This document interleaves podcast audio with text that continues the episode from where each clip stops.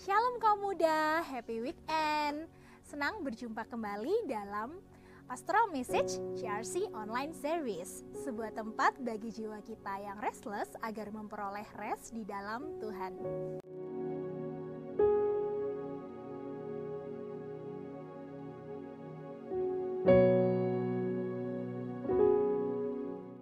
Shalom teman-teman sekalian, senang sekali bisa berjumpa dengan kalian lagi.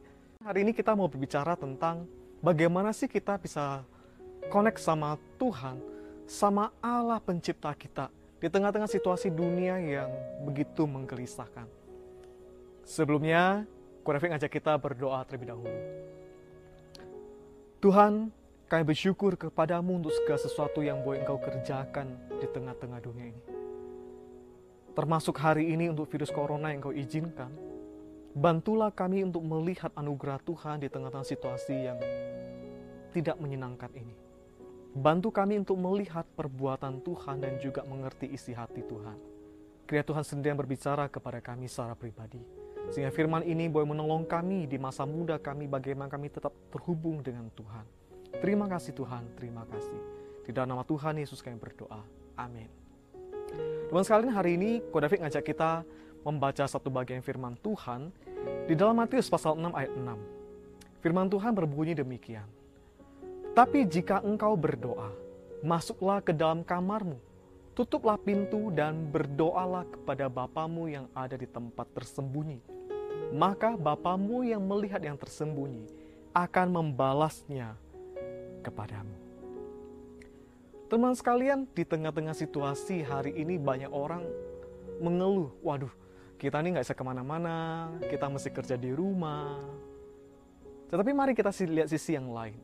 Selama ini kita sangat sibuk dengan kuliah kita, kita sibuk dengan pekerjaan kita, lalu kita tidak punya waktu yang cukup untuk berdoa kepada Tuhan kita masih bangun pagi, lalu pulang sore, lalu lakukan ini itu di gereja misalnya, atau berkumpul sama teman pulang larut malam, lalu kita tidur pagi begitu lagi.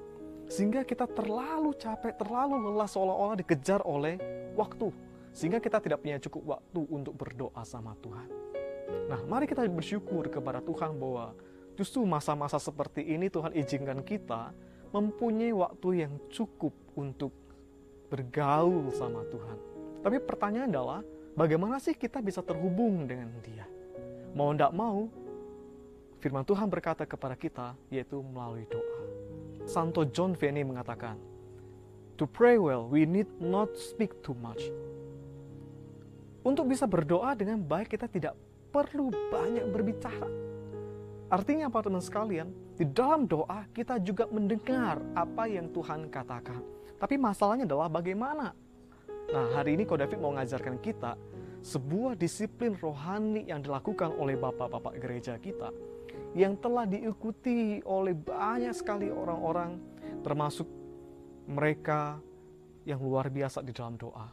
Sebuah pengajaran bagaimana kita bisa tetap connect sama Tuhan. Itu sebuah disiplin rohani, sebuah metode yang disebut dengan Lexio Divina. Lexio Divina kalau diterjemahkan sederhana berarti kita berdoa dengan cara mendengarkan suara Tuhan melalui pembacaan firman Tuhan. Jadi berdoa tidak hanya persoalan kita berbicara, enggak. Tetapi berdoa juga adalah kita mendengar firman Tuhan. Dari firman Tuhan itulah kita berdoa apa yang kita akan doakan. Nah, sekarang kita lihat lebih jauh. Lexio Divina ini teman sekalian, dimunculkan oleh seorang santo yang bernama Gregory of Nyssa, yaitu dia lahir tahun 330 sampai 395. Dia memakai metode ini untuk menolong kita bisa bergaul erat dengan Tuhan lalu metode ini dikembangkan oleh Santo Benedict of Nursia. Oke, teman sekalian kita akan kenal lebih jauh metode ini. Metode ini ada beberapa tahap.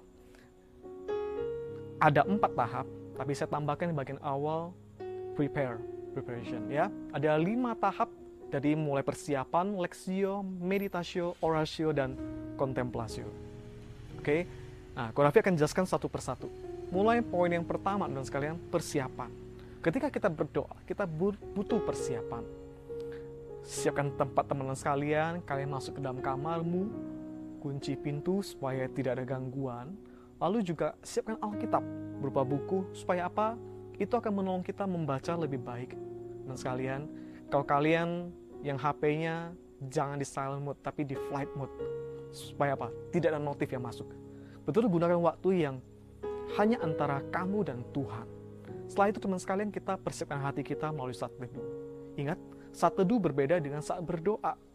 Namanya saat teduh ya berarti kita tenangkan diri kita, pikiran kita, kita bisa coba lihat cek dulu ingat kompor di dapur sudah mati apa belum uh, pacar kita sudah kita suruh pulang apa belum tahu masih tunggu di ruang tamu terus kita masuk ke kamar kita berdoa ya atau kita habis bertengkar misalnya nah kita butuh namanya saat teduh menenangkan diri bukan saat berdoa ingat ya saat teduh beda sama saat berdoa oke nah kalau sudah tenang ambil waktu yang cukup kalau kalian suka dengan nuansa ada taruh lilin juga boleh, kasih lilin di situ.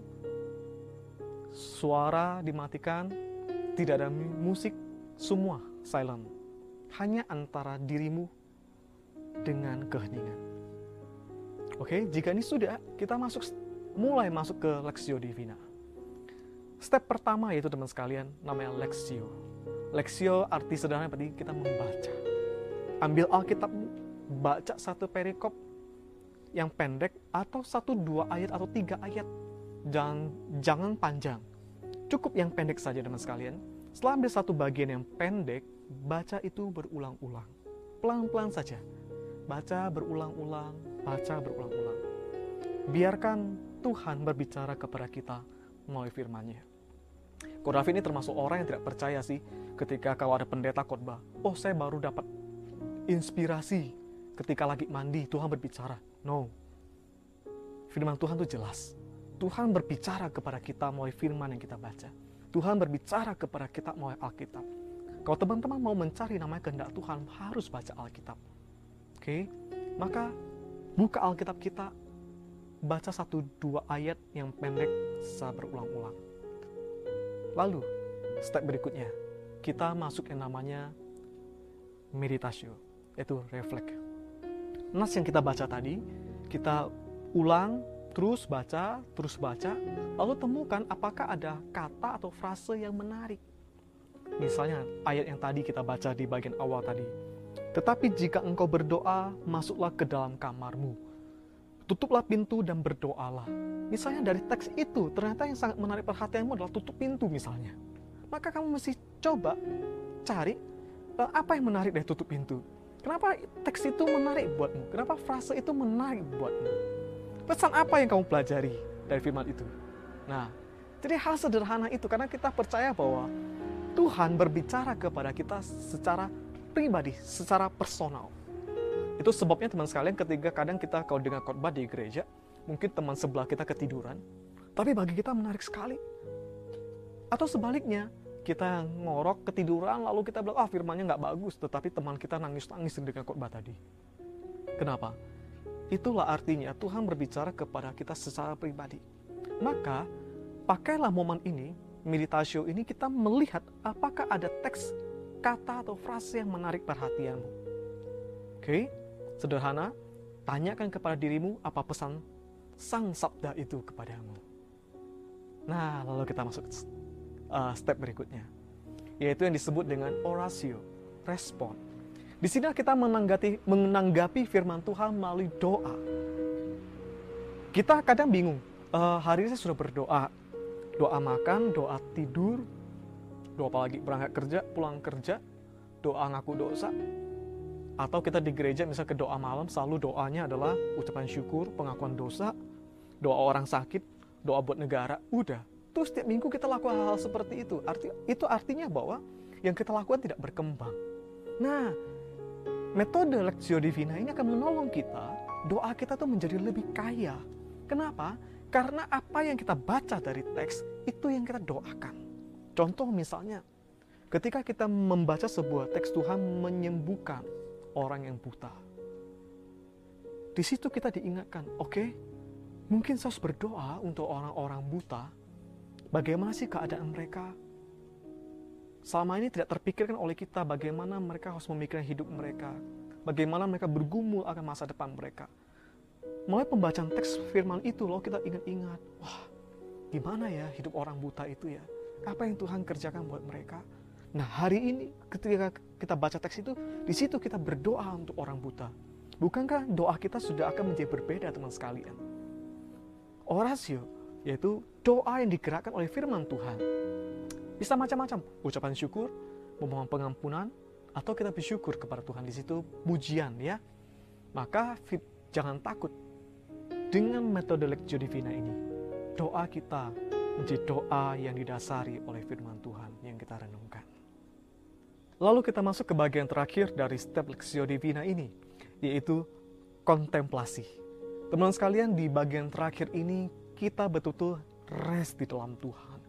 Kita menenangkan hati kita, kita menenangkan pikiran kita, kita menenangkan diri kita betul-betul total di dalam Tuhan. Teman-teman, setiap hari kita kurang rest di dalam Tuhan. Kita restless. Dunia ini menarik kita untuk semakin cepat, cepat, cepat. Seolah-olah segala, segala sesuatu harus dikerjakan dengan cepat. Jika kita tidak cepat klik belanja online, seolah-olah diskon itu hilang. Kalau kita tidak cepat nembak gebetan kita, seolah-olah dia akan hilang. Kalau kita tidak lak, cepat lakukan ini, itu, kayak hilang. Atau kita untuk buka bisnis, kalau kita tidak cepat, cepat, cepat, semua seolah-olah hilang Teman sekalian dunia kita menarik kita untuk terus cepat, cepat, cepat. Tapi berbeda dengan yang Tuhan inginkan. Tuhan ingin kita betul rest di dalam Tuhan. Maka di bagian step terakhir ini, kita hanya mengambil waktu duduk tenang. Kita menenangkan pikiran kita, menenangkan hati kita. Kita memikirkan kembali firman yang sudah kita baca, firman yang sudah kita refleksikan, bahkan yang sudah kita doakan. Lalu kita bertanya kepada Tuhan, Tuhan, apa yang ingin Engkau lakukan dalam kehidupanku? Teman sekalian, di bagian ini adalah bagian yang sangat penting. Sulit bagi orang untuk mengambil waktu tenang, diam di hadapan Tuhan. Karena itu membuat kita gelisah. Tapi jika teman-teman menemukan, melihat bagian ini begitu penting. Kalau kalian mencoba, mungkin awal kalian mencoba 5 menit lalu coba lagi 10 menit. Maka teman sekalian, 10 menit itu mungkin waktu yang tidak cukup buat kalian untuk rest. Karena apa? Kalian akan menikmati rest itu. Bahkan 30 menit itu tidak terasa. Karena apa? Ada waktu yang intim antara engkau dan Tuhan. Maka teman sekalian berdiam diri. Biarkan Tuhan bekerja. Renungkan firman Tuhan yang kita dengar jalani kehidupan sambil memandang kepada Allah. Oleh sebab itu teman sekalian, maka bagian ini mengajak kita memberi diri secara total kepada Tuhan. Kita perlu sih kembali dekat dengan Tuhan. Mumpung di masa-masa corona ini kita mesti kerja di rumah, lalu kita kurangi aktivitas di luar. Artinya kita punya banyak waktu untuk bersama dengan Tuhan. Temukan kembali kekuatan hidup kita. Temukan kembali semangat hidup kita. Melalui apa? Melalui doa di situlah kita menemukan sukacita. Melalui doa dan pembacaan firman Tuhan, kita menemukan diri kita di hadapan Tuhan. Kita menemukan bagaimana Tuhan berkarya. Dan di situ juga kita menemukan apa yang Tuhan mau bagi hidup kita. Tuhan berkati kita semua, kira firman Tuhan ini boleh menolong kita terus bertumbuh dalam Tuhan. Praktekkan, lakukan disiplin rohani ini. God bless.